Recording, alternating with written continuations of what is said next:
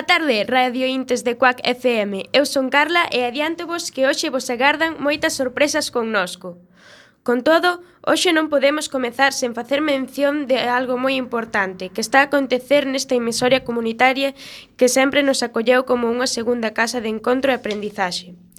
Hoxe, o noso público non nos poderá escoitar en directo como outras veces, a través da radio, na casa ou no coche, só a través de internet. E iso non depende de nós nin de Radio Cuac FM. Cuac FM leva 21 anos agardando a que lle concedan unha licenza de emisión e 7 anos de espera por un regulamento dos servizos de comunicación comunitaria sen ánimo de lucro que o goberno non quere aprobar. Pola contra, a Administración ábrelle un expediente sancionador, amenazando a cunha sanción de ata 200.000 euros. En consecuencia, Coac FM tivo que apagar o seu dial no 103 3.4 da FM coruñesa. Por iso non podemos chegar a todos vós como nos gustaría. Así que moitas persoas se sumaron xa a unha petición colectiva de apoio para recuperar o dereito á liberdade de expresión e que segue medrando neste enlace, coacfm.org barra petición. Non vos olvidedes de entrar e asinar solidariamente. Boa tarde, amiguiños. Eu son María, estou segura de que vos sorprenderá o que nos traemos entre más para a próxima hora, escoitándonos na vosa compañía. Boas tardes, amores meus. Eu son Uxía. Non é a primeira vez que nos escoitades. Seguro que aínda vos lembrades de nós. Somos... As, As Coristrancas! Esta tarde imos falar dun encontro que tivemos hai unhas semanas con Jordi Sierra e Fabra. Primeiro coa lectura do seu último libro, As palabras feridas, e logo con el propio. E tamén de Paco Souto, un poeta de Malpica.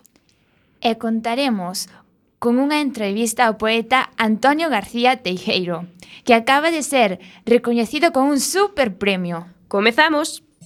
Chegou o momento de nos achegar ao primeiro convidado de hoxe para coñecelo máis de cerca. A actualidade combínanos a falar do brillante Premio Nacional de Literatura 2017 ao poeta galego Antonio García Teijeiro. Antonio García Teijeiro, nacido en Vigo eh, no 1952, é un escritor dedi dedicado presi presi ai, presi pres principalmente, non me salía, perdoade, Radioites. A literatura infantil. Sobre todo escribiu poesía e un auténtico mestre de escola. Despois de moitos outros premios concedidos á súa abundante obra, obtivo nas últimas semanas o Premio Nacional de Literatura Infantil e Xuvenil pola súa obra Poemar o Mar.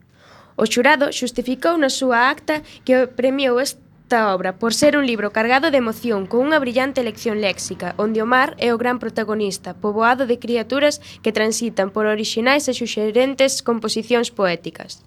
E agora, mentres vos deixamos en suspense para coñecer quen se agocha tras un perfil tan maravilloso, imos facer unha pequena pausa musical mentres entramos en contacto co noso convidado especial, que nos contará. Música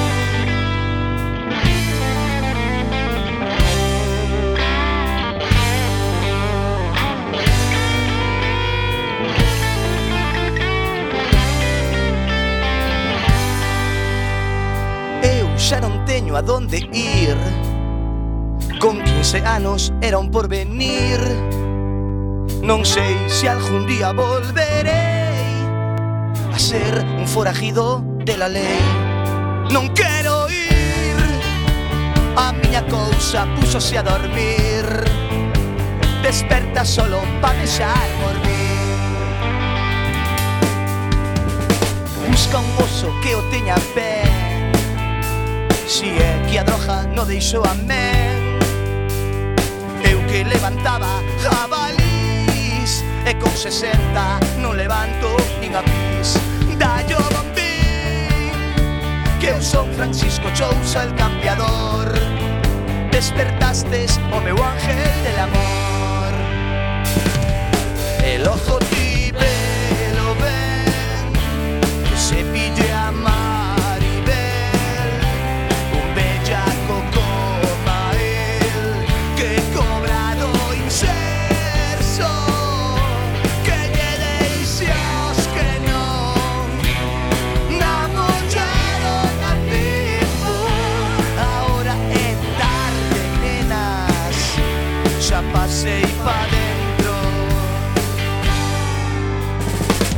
se descubrir ainda o condón Cando a mí me trataban como un don. Don Francisco pase por aquí. La señorita lo quiere recibir. Xa estou por fin. Botei uns cantos anos a dormir. E ti fasme rebulir. El ojo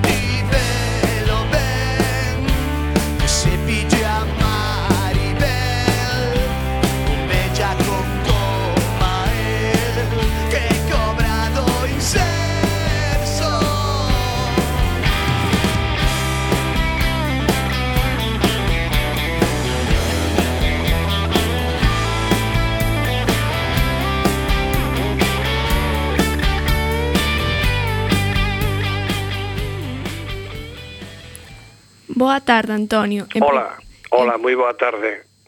En primeiro lugar, parabéns polo recente Premio Nacional de Literatura Infantil e Juvenil. Moitas gracias, é un placer compartilo con vos con esta tarde. Eh, que sentiches cando che deron a noticia? Pois unha emoción moi profunda, a verdade, porque levo moitos anos eh, dedicado a promover a poesía dende as edades máis pequenas e que cando xa levas tantos anos apareza no teu mundo un premio como este, pois enchete de satisfacción. Enchete de satisfacción porque te sentes moi feliz de, do traballo realizado, porque a poesía, pois por unha vez, eh, faise pois eh, protagonista de algo importante e despois pola nosa lingua, claro, sin orde, pero pola nosa lingua porque está moi ben que un premio nacional volva a caer en, en Galicia e por primeira vez eh, en un poemario. Claramente, estou totalmente de acordo contigo. É unha pregunta, porque lendo o libro de Poemar ao Mar, surgiume unha pregunta moi moi interesante. Que importancia ten para ti o mar? Bueno, para min o mar é, é, é a metáfora da vida, porque eh, eu dende moi pequeno estou moi vencellado ao mar, vivo nunha cidade que vive do mar e que vive aberta ao mar, non? Entón, quixen facer un un mar protagonista, un mar protagonista, un mar que ten eses sentimentos humanos que todos temos, un mar que ronca, un mar que molla, un mar que ten trenzas, un mar con ondas amarelas, ese mar que, que chora por dentro e cala por fora cando o feren, ese mar que tamén é traidor, non o esquezamos, esa parte, en fin, un pouco a metáfora uh, da vida, da miña vida, un mar de lecturas, un mar de illas con estrelas, eh, en fin, eh, quixen poñer o mar como como o, o centro un pouco pois dos sentimentos das persoas, non? Díxonos un paxariño que acabas de retornar dunha viaxe moi especial. Como viviches a Feira do Libro de México? Bueno, eso foi foi un acto impresionante cando ás veces estás moi decepcionado de como van as cousas, neste país chegas a Latinoamérica en xeral, en este caso a México en particular, como xa me pasou en Colombia, eh, en Cuba, e notas que aí hai un amor profundo por los libros, por la lectura, que hai unha revolución auténtica a nivel eh, lectura, a nivel literatura, a nivel poesía, e todo dende, dende unha capacidade de sorpresa e unha capacidade afectiva verdadeiramente grande, non? Entón eu sentíme moi, moi, moi, moi feliz de compartir con eles, pois bueno, aquilo que eu levaba facendo durante bastantes anos. E como te acolleron? Bueno, acolleronme cun, cun agarismo excepcional, eu creo que que tiñamos que ver todos un pouco cara a Latinoamérica porque está moito máis preto do que realmente parece, non? Foi todo eh, dunha dunha eh, organización perfecta e por outra banda eh, dun afecto extraordinario. Eu entendo que, que estas cousas hai que pensar que estábamos que estamos falando dunha feira no que ano pasado visitaron 450.000 persoas. Neste ano neste ano, nos tres primeiros días, eh, levaban 1.300, eh, cen, eh, 150.000 persoas. Bueno, estamos falando de algo maravilloso e eh, que, eh, dende logo, envexable, non? Eh, agora imos falar algo sobre este libro tan especial, Poemar o Mar, que estivemos lendo nestes días. Eh, creounos algunhas curiosidades e interrogantes. Por que nun poema recalcas que Juan Carlos Martín Ramos e che prestou a súa goma de borrar? Pois sí, eh, Juan Carlos Martín Ramos é un poeta gran amigo, grande amigo meu, eh, co que teño moitas eh, similitudes eh, e moitas cousas en común. Bueno, pois lendo un dos seus, dos seus eh, poemas, vin que nel había unha, unha goma de borrar que borraba aquelas cousas que non lle gustaban. Eu pedinlle esa goma de borrar, utiliceina nun poema, tamén quixen borrar cousas que, que non me gustaban, entón, lóxicamente, cando lle roubo a, a goma de borrar a un amigo hai que pedirlle, hai que, hai que celebralo, non?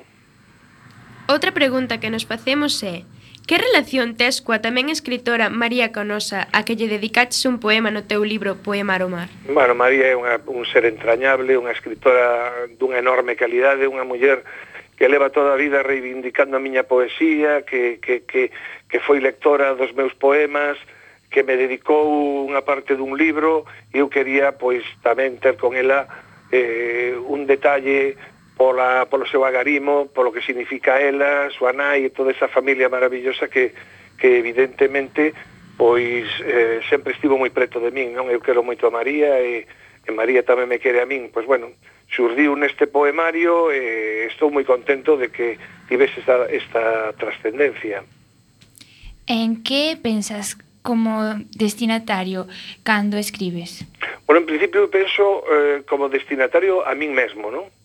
Se eu cando escribo penso que me guste a min, que o que estou facendo ten eh, unha certa calidade e que eu me sinto feliz e contento facendo. Iso para min é o primeiro. E despois eh, aspiro a que a que persoas como a vos, persoas que, que non coñezo ás veces e que viven nos sitios máis remotos de Galicia, que ás veces vou alá porque hai que estar preto da xente que ama a poesía e que traballa por ela, pois eh, eh, me interesa muitísimo que, que, que sexan felices, non? Entón, cando alguén che di que estivo lendo estes poemas e que estiveron gozando con eles e que lles gustou, para min eso é fundamental. Entón, eu penso en min, pero tamén na posible traslación do que eu fago a, a persoas dispostas a deixarse eh, envolver na miña, no meu discurso poético. Podes nos contar como é o teu proceso creativo a hora de escribir? O meu proceso creativo a hora de escribir, en principio, eh, empeza a traballar na, na cabeza, non? Eu sempre digo que hai que andar pola vida cos ollos moi abertos, cos oídos moi atentos e co corazón na man, non? Entón eu son unha persoa que se basea na vida, na vida en todas as súas facetas que son moitas e despois nas lecturas. Entón cando eu estou eh, vendo cousas, algo se me ven a cabeza e empezo durante moito tempo a darlle voltas, pero non a paso aínda a papel. Cando eu leo un libro, cando eu leo un poemario, collo un verso e ese verso me está dicindo de aquí ten que sair algo. Apunto, pero non moito máis. E cando as cousas empezo a darlle voltas e máis voltas e máis voltas, sento, escribo a man, empezo a escribir, empezo a proxectar as miñas os meus sentimentos e as miñas necesidades eh, neses versos e a partir de aí empeza a tomar a tomar eh, forma, non? Eu realmente escribo na cabeza primeiro, no, no papel despois, e logo paso os poemas ao ordenador. Nunca fixen un poema que a min me gustase de verdade directamente ao ordenador, porque falta ese plan, ese, ese, ese punto intermedio fundamental que é eh, o papel, non? Eh, Sí, tes toda a razón. Sin o papel non somos nadie. Eh, seguro, seguro. Sí. Eh, ora vouche facer unha pregunta bastante personal. Como eres capaz de organizar o teu tempo? Porque eu solo teño que estudiar e non me dá tempo a facer nada máis. Ai, ai, organizar, esa é a palabra pensar que de que maneira podo ser eu moito máis productivo para facer as cousas que quero. Eu agora que estou xubilado teño máis tempo teóricamente, pero cando eu daba clase nas épocas que daba de mañá e tarde, cando daba clase e tiña que ir a moitos sitios, tiña que, que ser moi, moi, moi, moi, moi estrito comigo mesmo. Entón, bueno, eh, sempre busco eses, eses momentos nos que é fundamental mm, telos para min e aí eu poñía a escribir. Evidentemente, cando estaba nese proceso, proceso creativo, evidentemente tamén deixaba moitísimas cousas por facer e dedicábame única e exclusivamente a iso. Aí a miña muller, os meus fillos, eh, respectaban enormemente ese traballo. Hai que organizarse moitísimo e hai tempo para todos e o sabemos facer. Hai moita xente que di que non lé, porque non, para poder escribir ben hai que ler eh, si queres facer poesía terás que ler moita poesía. Si non escribirás pero non, non crearás literatura.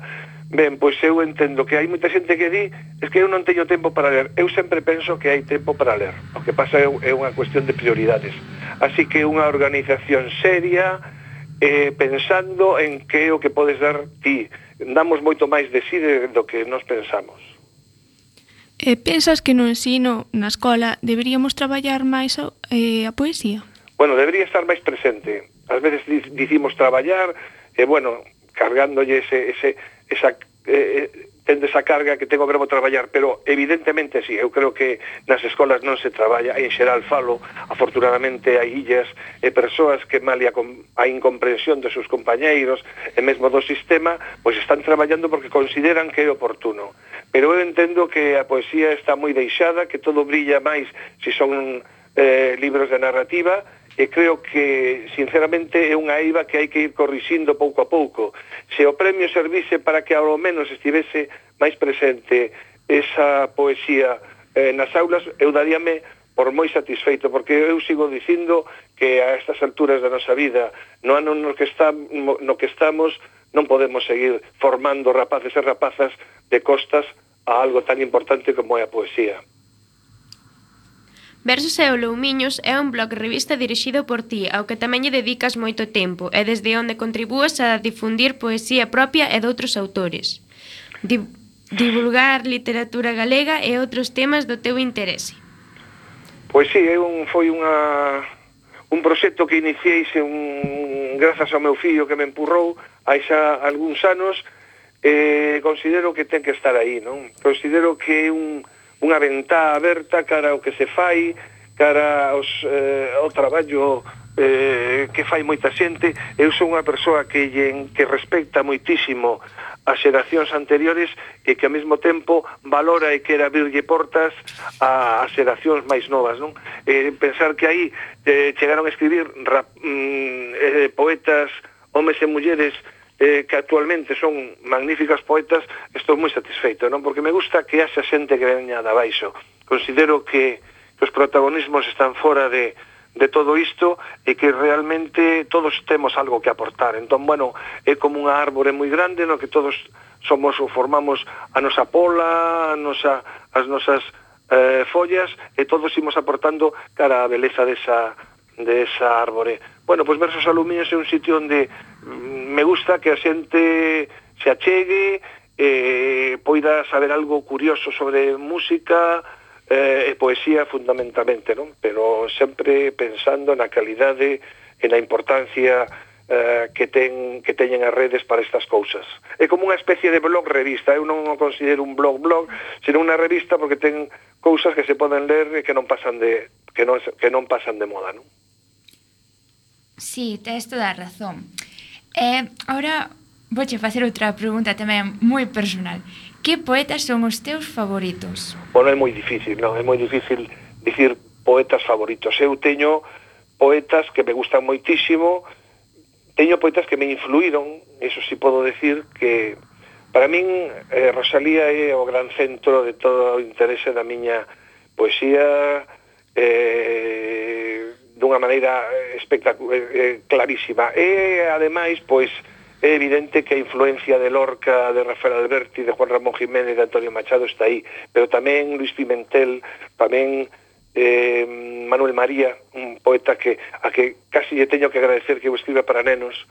Eh, mm, interésame moitísimo interésame moitísimo tamén pois, eh, ese, ese, esa poesía loitadora de Celso Emilio Ferreiro eh, bueno, hai moitísima xente eh, que me gusta a xente nova hai moitos poetas que me gustan eh, actualmente e logo outros que vas descubrindo con, eh, ao longo do tempo pero as miñas eh, digamos que as miñas raíces poéticas están aí en Rosalía, Alberti, etcétera, etcétera, non?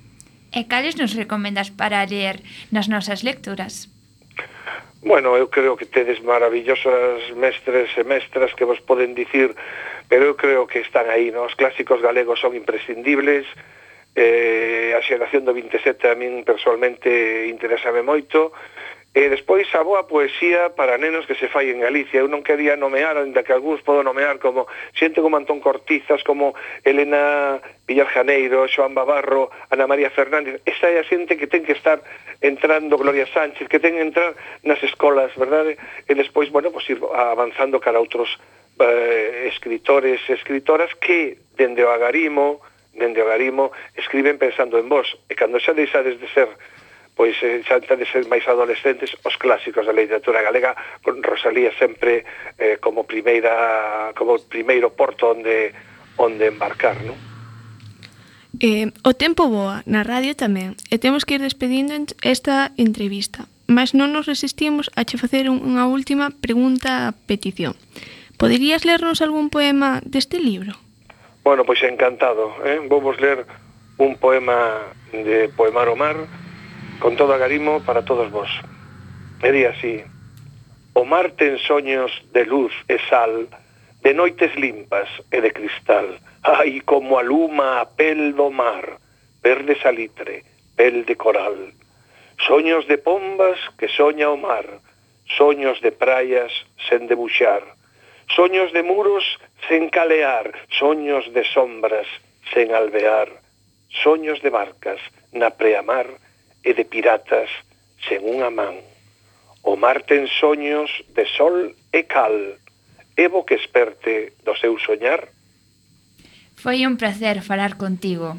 Igual que con vos foi un placer poder falar a, a persoas como a vos, que sodes, por outra banda, eh, moi, sodes unhas persoas que realmente dedes moita sorte e debedes aproveitala, non? Que as vosas idades xa esteades dentro da poesía, eh, algo que co tempo ides comprender moi ben. Así que moitos biquiños por, por esta fermosa conversa. Ai, igualmente. E gracias por responder as nosas preguntas. Un placer, un placer, xa digo, encántame cando teño que responder a, a, a rapaces e rapazas porque aí está un pouco o futuro da que a nosa sociedade cambie, que moito ten que cambiar. Adeus. Adeus. Moitos bicos.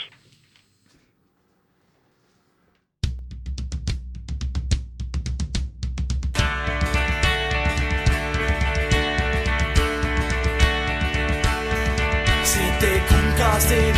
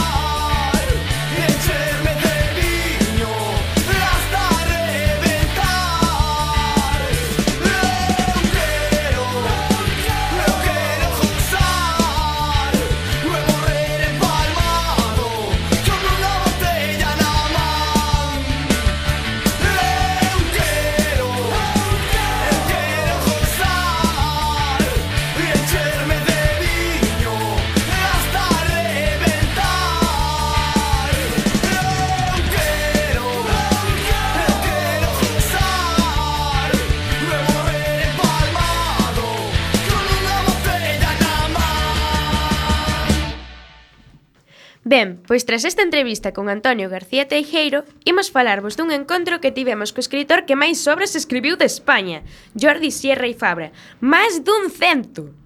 O encontro foi na libraría Moito Conto, na Rúa San Andrés, na Coruña. Encantounos ter a oportunidade de falar con el. Todos os que estivemos ali tivemos a impresión de que era unha persoa moi agradable, é moi simpática, cousa que non nos imaginábamos porque o libro que léramos era de carácter moi serio e el eh, non, é, non o era. Sí, así é. Mais, con todo, animámosvos a que leades algunha das súas novelas. Nós comezamos por as palabras feridas e encantounos.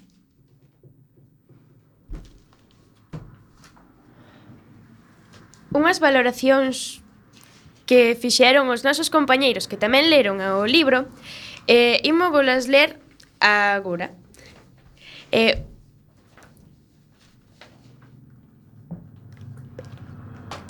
Uxía Cancelo Torreira dixo que fora un libro que marcara moito e que a medida que ia lendo cambiaba de opinión sobre as cousas e se daba conta dos erros que cometía a xente. Alba Ferreiro díxonos Baixo o meu punto de vista, é un libro que cando rematas un capítulo xa queres comezar o seguinte – e que ademais te marca moito porque podes de decatarte dos erros que se cumplían naquela sociedade. Adriana María, María Gómez Capote textualmente díxonos o encontro con Jorri Sierra foi unha experiencia maravillosa. En canto ao libro, pareceume unha historia que pode explicar perfectamente a realidade e que nos fai pensar sobre como se vive nalgúns lugares na actualidade.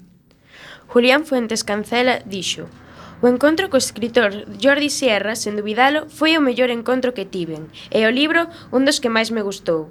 O escritor é unha persoa que cando fala moito é cercano a ti, explícache todo moi ben. Tamén hai que dicir que ten unha maneira de vestir moi moi chula.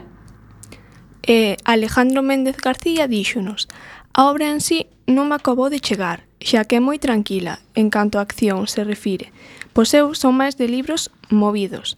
Sen embargo, o encontro co autor Jordi Sierra e Fabra foi todo un ao contrario. Ves un home extrovertido e divertido, que cunha palabra che, che, che saca unha Biblia e nunca perde o fío da conversación. Eva Fernández eh, dixo Este libro foi dos mellores que lín, a pesar de que o argumento non me chamaba a atención. O autor sabía ben sabía ben como xogar cos sentimentos das persoas coas mínimas palabras, xa que nos deixou, por exemplo, cunha intriga do final. Jordi, ademais de ser moi bo escritor, é das mellores persoas que coñecín, xa que non quere ser máis que ninguén, a pesar, a pesar da forma da fama. Nuria Pensado Tomé dixo Gustoume moito este libro, xa que foi moi diferente aos outros que lera, porque ningún tratara temas como deste, do cárcero.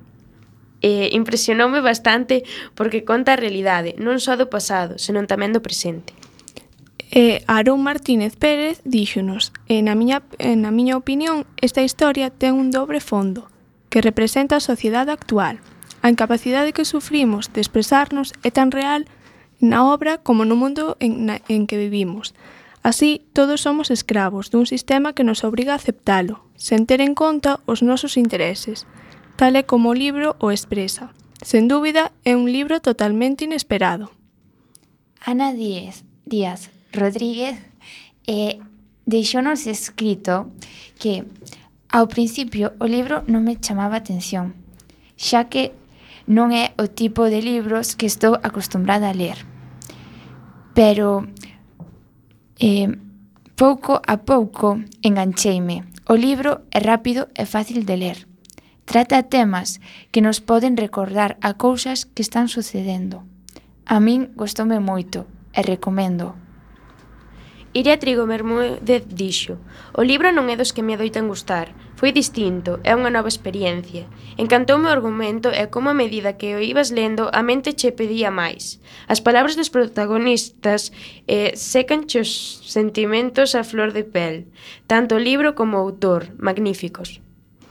Manuel Gerpe Calvo díxonos a historia que quería transmitir o libro custoume moito, O que menos me gustou foi o final, xa que me gusta saber como acaban os libros polo que quedei coa intriga. Respecto ao encontro con Jordi, pareceume un encontro moi entretido, porque era moi sociable e gustáballe eh, contar moito as súas viaxes e acontecementos. E por último, Laura Río García díxonos, na miña opinión, o autor, Jordi, pareceume moi simpático. É unha persona moi culta. Non me esperaba que unha persona así poidera escribir ese libro. A historia de Palabras feridas gustoume moito.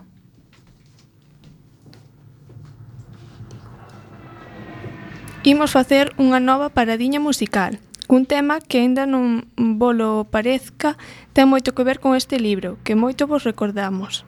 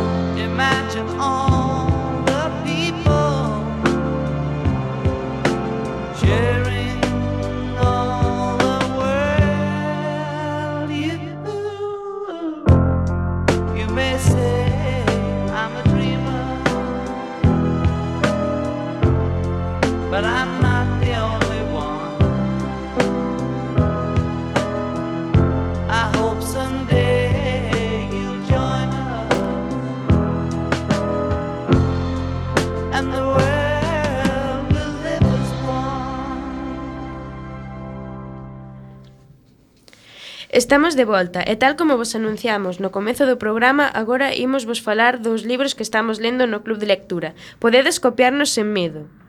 Estamos lendo Corredora e a, dubi, e a dúbida, as dúas novelas da mesma autora, María Remóndez, editadas no mesmo selo editorial, Xerais. Corredora trata dunha nena de, de Etiopía que pasa por pobreza absoluta a gañar moito diñeiro facendo unha cousa que lle custa, correr. Ao principio vivían nunha montaña, pero os homes decidiron, decidiron mandar as mulleres para a cidade gañar diñeiro, para non ter que mantelas. E, pois chegaron os tempos duros e de escaseza. E, igual que a dúbida, menciona o tema das violacións e abusos ás mulleres adultas e nenas. As mulleres van para a cidade e casi todas se ven obrigadas a prostituirse para conseguir algo para comer e sobrevivir. Mas Janet tiña unha condición física excepcional, que xunto á súa necesidade de correr para sentirse ser libre, favoreceu que fose convidada por un adestrador a entrar nun equipo de atletismo, o que cambiará a súa vida, gracias á súa entrega, constancia, disciplina e amor propio. A outra novela que lemos no noso club foi A dúbeda, que a mí, sinceramente foi un libro que me encantou. Trata dunha parella que se encontraba nun xulgado porque o home se enfrenta a un caso de violación dunha rapaza, filla dos seus amigos. En principio, a muller non cría que fose posible tal situación, pero ir investigando pouco a pouco os pasos do seu home, dase de conta de que se cada unha se, ca, se cada algunha das cousas non, que se cadra algunha das cousas non son como ela pensaba e intenta facer todo o posible para facer xustiza. E aquí veunos a cabeza aquel poema de Rosalía de Castro, A xustiza pola má. Mas non podemos seguir con tanto. Animades vos a ler. In the town where I was born Lived a man who sailed to sea and he told us of a life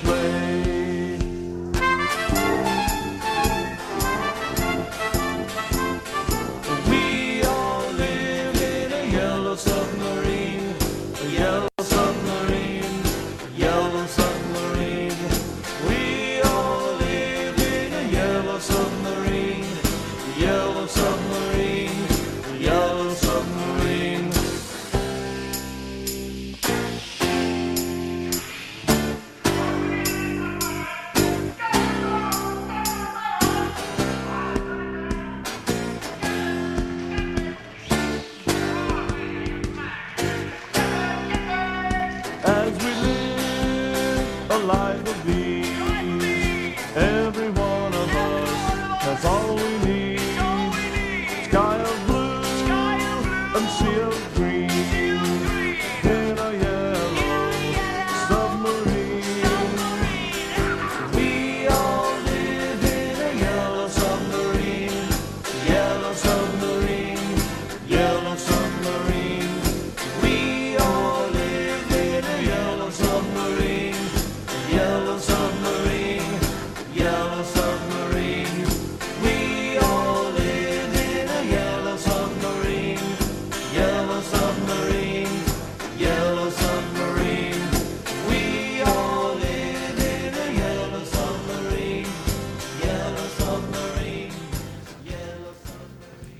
Estanos quedando un programa moi fal de Vitelmanía, non, mozas? Pois agora, para rematar, imos mudar de xénero literario e de xeografía. Deixamos Vigo, Etiopía e as novelas de María Reimóndez para vos falar de alguén moito máis próximo a nós, de Paco Souto, poeta percebeiro de Malpica, Bergantiños, Costa da Morte e da súa poesía. Francisco José Souto Barreiro nado na Coruña o 12 de outubro de 1962 e finado prematuramente no Mar de Razo, Carballo, o pasado 30 de marzo de 2017. Foi un escritor e político galego. Foi co coeditor de edicións do, da, do Dragón e da colección Lecturas, de cal realizou ilustracións para diversos libros e participou en varias exposicións colectivas, colaborando tamén en en obras teatrais, o que confirma o seu carácter multifacético. Como creador e eh, como dinamizador dinamizador de diferentes proxectos culturais.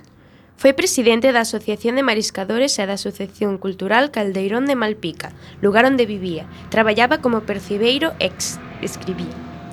Desde esta asociación promoveu o Premio de Poesía Erótica Illas e Sargas e foi o principal responsable da editorial Caldeirón, selo que publica as obras gañadoras deste certame e, ocasionalmente, outros títulos de poesía ou catálogos das exposicións organizadas pola asociación. Nas eleccións municipais de 2015 foi candidato do BNG en Malpica de Bergantiños e foi elixido concelleiro. Morreu o 30 de marzo de 2017, cando traballaba como percebeiro nas proximidades de Santa Mariña, de Razo, Carballo. Agora vou ler un poema do gran poeta Paco Souto, pois a súa palabra pervive sempre en nós. Vivo nun país de marea baixa. Entre argazos e agullas de colar, construímos a ilusión do solpor, mentres o sol debruza con quietude os seus pés na lagoa da tarde. De enchermos a lúa o noso país cativo afogaría en sal océana, apenas é un baixo a romper a pedra de, de azul das augas. Un salseiro de cobalto sen terra para labranzas, sen aguas de beber, sen respiro apenas. Só nos queda arrincar a pel e que veñan as escamas, empeñar os brazos e pernas por aletas e iluminar con tuberculose as galadas que nos dean alto mar adinto. Ahora eu, María, vou ler outro autorrebatrado. Escribo unha folla impar, as tres cuartas partes xustas, de min mesmo, a man acenando o universo, a viaxe impar de virme para dentro. Escribo tolo, un sexto apenas de ousadía, do que calo, inspiro e dialógome. O meu mundo sempre será varios. E como eu non son menos que as miñas compañeiras, pois tamén vos vou ler outro.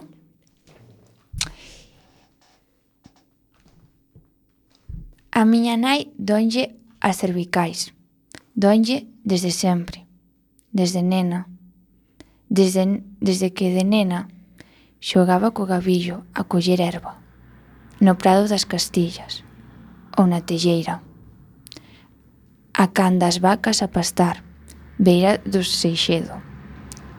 Doenlle, desde a Coruña, desde as bestas do leite, eu pasaxe a cabeza, con brazos de grelos con coliflor, as malpicás, coas paletas cheiñas de sardiñas e xurelo, as de corme, con encaixe de noite por camariñas, e veña camiños para abrir o día.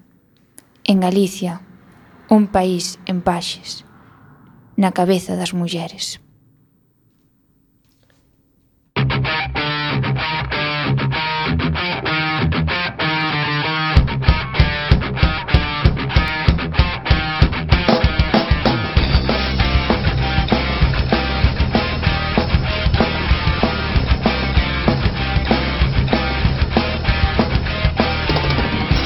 Escaping from my